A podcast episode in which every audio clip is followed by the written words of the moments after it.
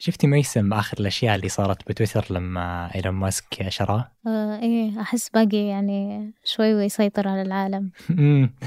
يعني أتوقع أن الفترة ذي كل الناس منتبهين جالس يصير بتويتر ويمكن أغلب الناس يعني ما كانوا راضين عن تويتر اللي قبل فيصيرون كذا فرحانين بأن إيلون ماسك بيشتريه ويغير فيه أشياء كثير.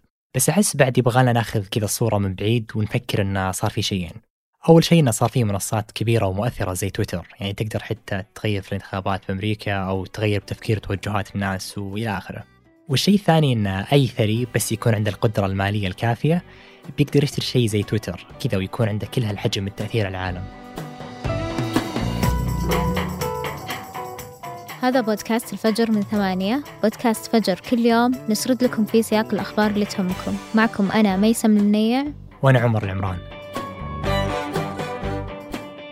خبرنا الأول عن ناسا اللي نشرت صورة لحفرة ضخمة بسبب سقوط نيزك على المريخ. والخبر الثاني عن انخفاض أرباح سابك بنسبة 67%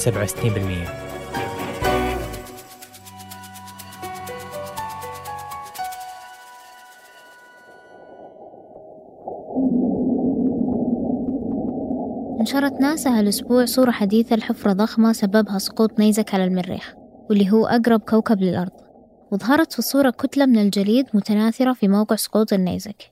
بس هذه ما هي أول مرة يكتشف العلماء إن في مياه وثلوج في المريخ. ففي 2017 رصدت وكالة ناسا لأول مرة إشارات وجود مياه متساقطة لكن هالنيزك ترك حفرة قطرها تقريبا 150 متر وعمقها 20 متر. وهي أكبر حفرة رصدتها المركبة المدارية MRO في تاريخها. وهي المركبة المدارية اللي دخلت الخدمة قبل 16 سنة والمتخصصة في مراقبة المريخ. العلماء اللي يدرسون المريخ اعتبروا هذه الصور اكتشاف عظيم لأنها تقدم معلومات تسجل للمرة الأولى على الإطلاق.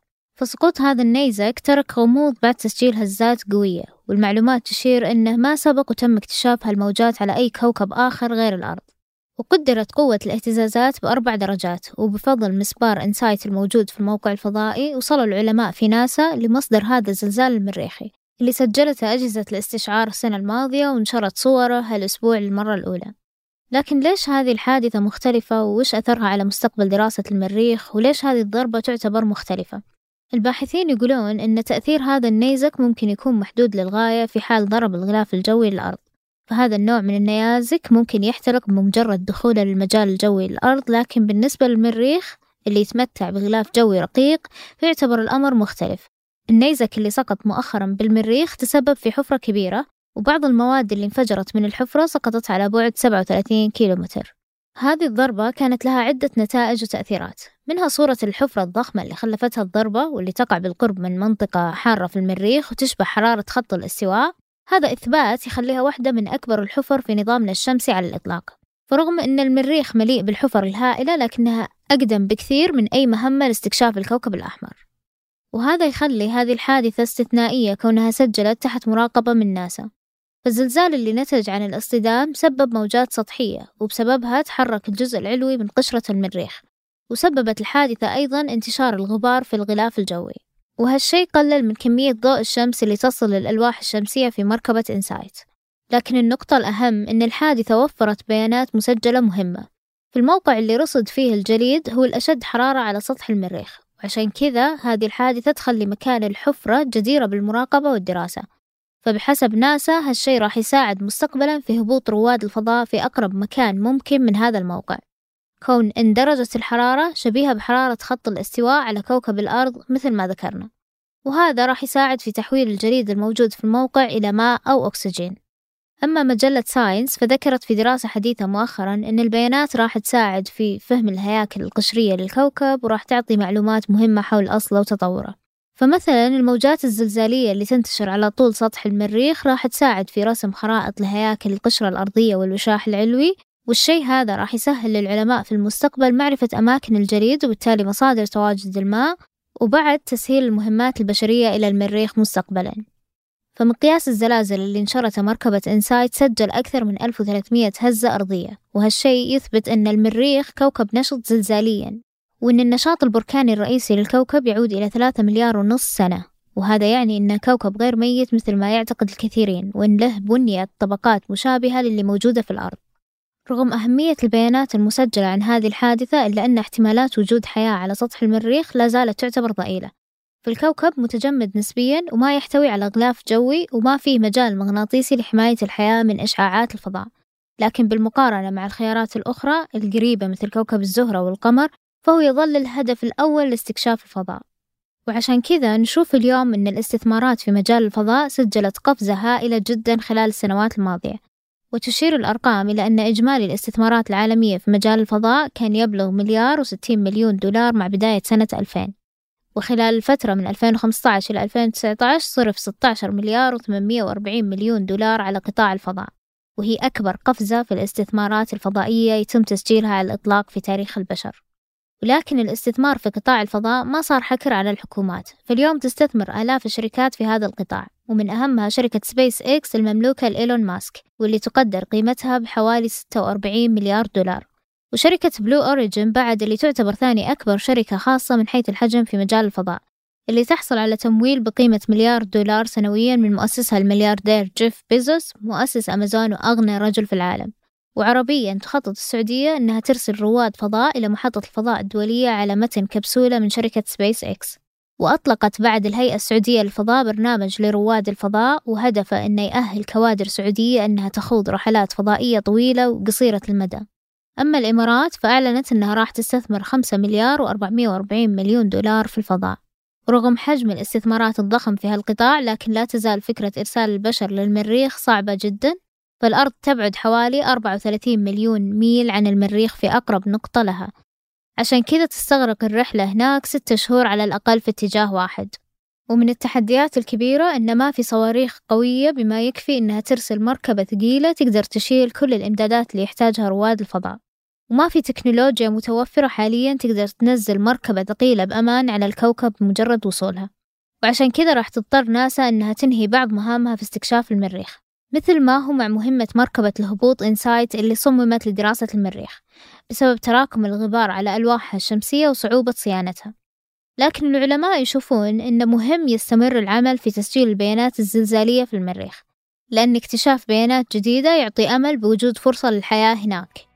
فرغم العوائق التقنية والطبية الكبيرة اللي تمنع من إرسال أشخاص لهذا الكوكب وكالة ناسا ودها ترسل مهمة بشرية إلى المريخ في العقود الجاية.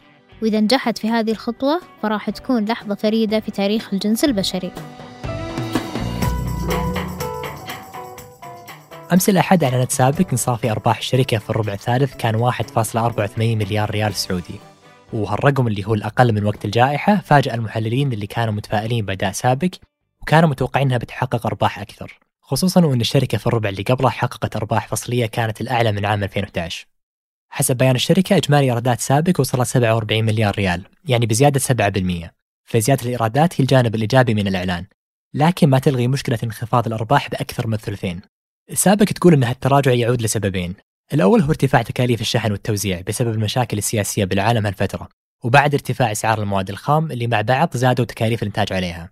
والسبب الثاني هو انخفاض الطلب على منتجاتها اللي صار بعد سياسات الإغلاق بالصين ومشاكل الإمدادات بأوروبا ولو بنقول ليش مفاد ارتفاع أسعار النفط بالفترة الأخيرة سابق فالسبب هو أنها شركة صناعات تحويلية هدفها مو بإنتاج النفط وبيعه بل استخدام مواد الخام للإنتاج الصناعي. لذلك ارتفاع أسعار النفط ما يعني أداء أفضل سابق وبالعكس انخفاض أسعار النفط ممكن يكون مفيد لشركات البتروكيماويات زي سابق من ناحية التوسع والاستحواذ على شركات أصغر. أما السبب الثاني فهو أن صناعة البتروكيماويات اللي تختص فيها سابق تدخل في صناعة منتجات كثير مثل الدهانات والمنظفات والأسمدة وحتى الأدوية والبلاستيك. هالشيء خلى شركة مرتبطة بقوى العرض والطلب في العالم اللي تتأثر بالأزمات السياسية والاقتصادية في كل دولة أو قارة زي ما هو حاصل في الصين أو أوروبا. وسبق أثرت الحرب التجارية بين أمريكا والصين في عام 2019 على نمو مشاريع سابق في الصين. ورغم أن سابق مرت بتغيير مهم على مستوى إدارته التنفيذية بعد ما ترك يوسف بنيان اللي صار وزير التعليم منصبه كرئيس تنفيذي للشركة إلا أن هالتغيير ما له علاقة بانخفاض الأرباح لأن معظم شركات البتروكيماويات الثانية واجهت انخفاض في الأرباح مثل سابق زي شركة اليوندي البازل الهولندية اللي انخفضت أرباحها 63% رغم ارتفاع الإيرادات. لكن انخفاض أرباح سابق في الربع الثالث وتراجع أداء الشركات التابعة لها ما يعني أن الشركة ضعيفة فإيرادات سابق بشكل عام في ارتفاع ورغم أن المحللين توقعوا أن الشركة بتحقق أرباح بقيمة 6.2 مليار ريال إلا أن الأرباح فاقت التوقعات ووصلت 7.93 مليار. وهذا بسبب ارتفاع أسعار بيع المنتجات وارتفاع حصة سابق من عوائد الشركات التابعة لها ومشاريعها المشتركة. ومن الأشياء اللي توضح قوة الشركة هو اعتمادها توزيعات أرباح أعلى ب 28.6% من التوزيعات اللي أقرتها في النصف الأول من العام الماضي. فهذه الأرقام تأكد أن سابق عندها مركز مالي قوي وأن التراجع في الأرباح خلال الربع الثالث وقتي ولا أكثر. ومتوقع أن سابق تحافظ على أداء مالي مستقر خصوصا بعد استحواذ أرامكو عليها في 2019 اللي ساعد الشركة على توسيع استثماراتها الدولية اللي كان آخرها بداية تشغيل مشروعها مع إكسون موبيل في ساحل الخليج الأمريكي. وهالمشروع عزز حضور سابق في أمريكا وكان له آثار إيجابية على أرباح الشركة في الربع الماضي. سابق توقعت من قبل أن التباطؤ في نمو الاقتصاد العالمي بيأثر على ربحيتها لكن الشركة متفائلة أنها بتتجاوز العقبات الحالية. فالرئيس التنفيذي المكلف لسابق قال أن الشركة بتواصل تقليل التكاليف التشغيلية وبتضبط الصرف وأن هدفها بنهاية السنة هو خفض الإنفاق الرأسمالي بمقدار 20% ولو تحسنت الظروف الاقتصادية وخفت التوترات السياسية بالعالم أكيد بيكون في أثر إيجابي على ربحية سابق ونموها.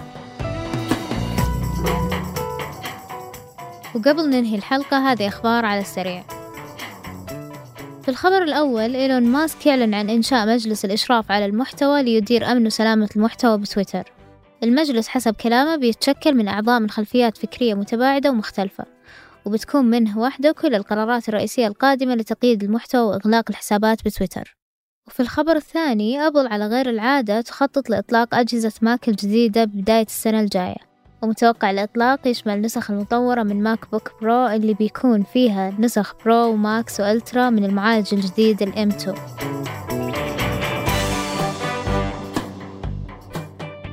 أنتج هذه الحلقة تركي بلوشي وراجعها تركي القحطاني وأشرفت عليها السحر سليمان.